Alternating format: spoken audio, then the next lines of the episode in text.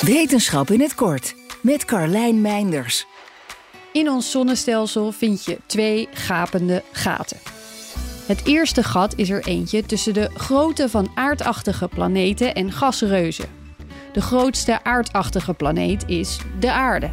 De kleinste gasreus is Neptunus. Als de aarde qua grootte tussen een 10 en 20 eurocent muntje in zou zitten, dan is Neptunus een honkbal met een 17 keer grotere massa.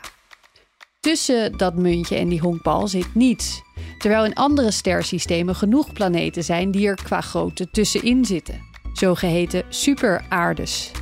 Het andere gat is een locatiegat. Als je kijkt naar de afstand tot de zon, dan zit er een flink gat tussen Mars en Jupiter, waar makkelijk nog een planeet tussen zou passen. Zonde van de ruimte, toch?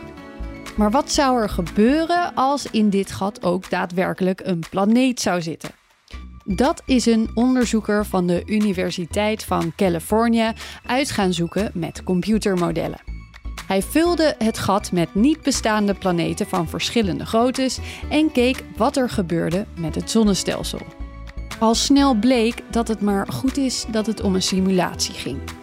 Afhankelijk van de grootte en exacte locatie van de fictieve planeet kon hij ervoor zorgen dat Mercurius, Venus en onze eigen aarde uit het zonnestelsel werden gestoten. Ook de banen van Uranus en Neptunus raakten verstoord genoeg om ze de ruimte in te werpen. Al deze acties volgden op de interactie die de planeet had met Jupiter. Zelfs een klein duwtje tegen deze gigantische gasreus zorgt voor chaos alom.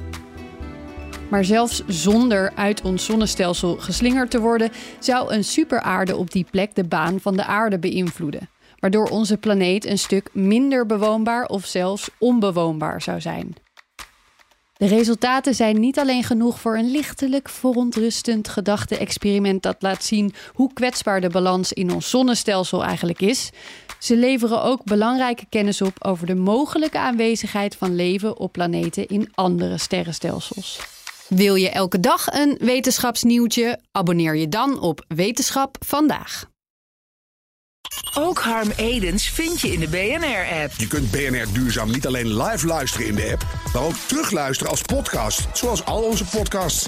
En naast dat de BNR-app Breaking News meldt, houden we je ook op de hoogte van het laatste zakelijke nieuws. Download nu de gratis BNR-app en blijf scherp.